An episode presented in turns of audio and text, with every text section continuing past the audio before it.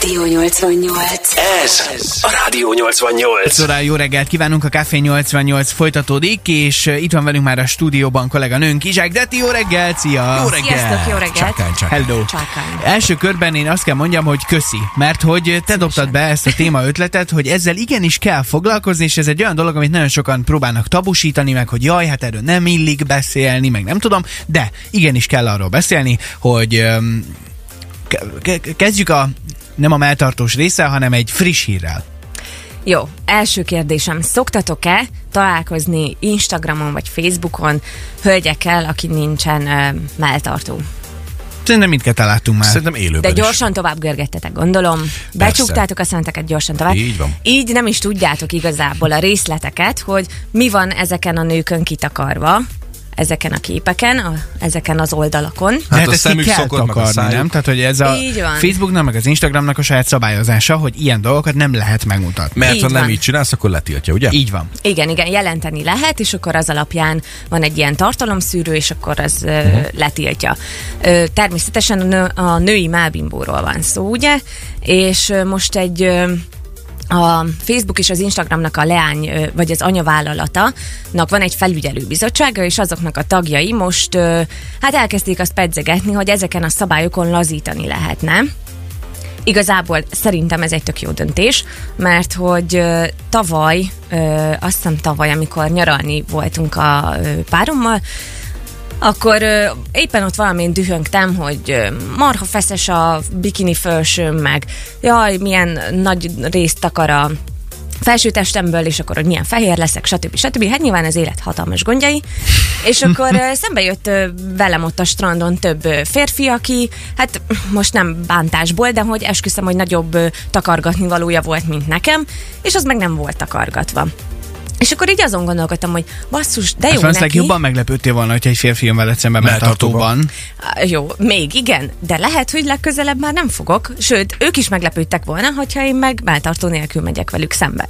Hát vannak azok a strandok, ahol nem lepődnek De ez meg egy ilyen társadalmi elvárás évszázadok óta szerintem, hogy a, a, Hát nő, nem- a női nem, nem. kebleket el kell fedni. Hát talán egy, hát nem annyira régóta szerintem, de igen, egy társadalmi elvárás, és egy társadalmilag nem is tudom, egy, egy megegyezés szerintem, hogy a női melleket ö, takarjuk el. De miért van ez egyébként Hát szerintetek? azért, mert ez a szexualitásnak az egyik jele, szerintem, nyilvánvalóan. Miért, hogy ilyen napon a férfi mábimbó is az. Hát szerintem nagyon nem, nem tartozik hozzá. nem. Meg, meg, meg van egy olyan jellegű intim oldala is ennek, hogy, hogy a nők ebből táplálják a gyereküket, amikor van.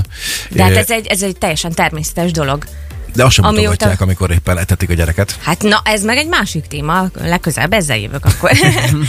hogy, hogy miért? Tehát, hogy, hogy azt is, ugye ott a szoptatással kapcsolatban is volt egy csomó ilyen ö, akció, kezdeményezés, kampány, hogy, hogy ott is ö, ne legyen már az gáz, hogy szegény gyerek ö, éhes, és te megeteted, és akkor téged onnan kitiltanak, mert hogy úristen, de szemérmetlen vagy. Én szerintem ez mind azon múlik, hogy éppen aktuálisan a, abban a korban, amiben élünk, ez mennyire, mennyire gondoljuk ezeket a dolgokat intimnek, vagy sem.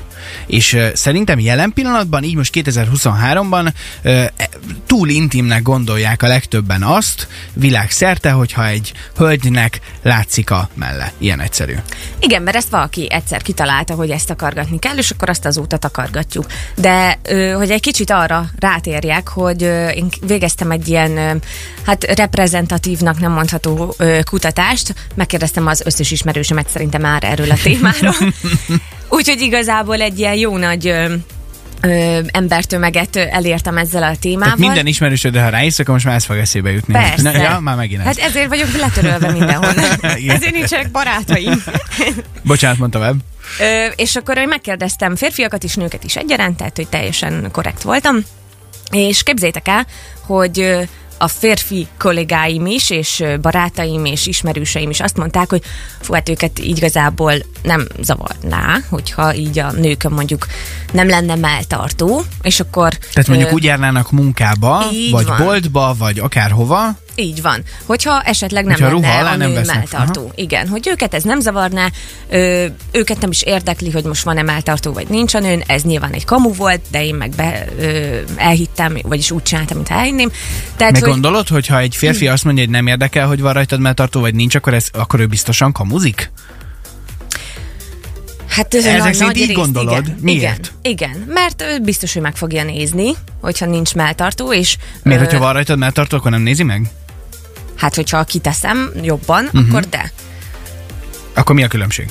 Hát az, hogy, hát most mondjam, mi a különbség? Hogyha Hát- fázol, az jobban látszik. Hát jó, értem, de, hogy, de hogyha most azt a tényt nézzük, hogy téged zavar vagy nem zavar az, hogy oda néznek vagy nem néznek oda, akkor mi a különbség a között, hogy csak van egy nagyon dekoltált felső rajtad, és amiatt néznek oda, vagy nem dekoltált a felső, de egyébként meg nincs rajtad melltartó, és azért néznek oda. Én abszolút nem mondtam, hogy zavar. Hát az az ő problémája, hogy ha diszkréten csinálja, akkor tőlem aztán nézze. Hát most, Mhm. uh-huh. de hogyha nyilván, hogyha valaki ilyen eléggé bunkó módon oda néz, meg még mondjuk csettint is egyet a nyelvével, vagy meg is jegyzi, akkor, akkor az már gáz szerintem, ha van rajtad melltartó, ha nincsen. Igazából ez az SMS is tök jó passzol ez a témához jelen pillanatban, hogy nagyon egyszerű ez a melltartó kérdés, írja valaki, akinek muszáj hordania, mert belelóg a levesbe hordja, akinek pedig Jézus. szép melle van, ne hordja. Viszont ha egy kiézett szempár rajta csünk, fogadja el, ne rohanjon egyből a jogvédő csoportokhoz.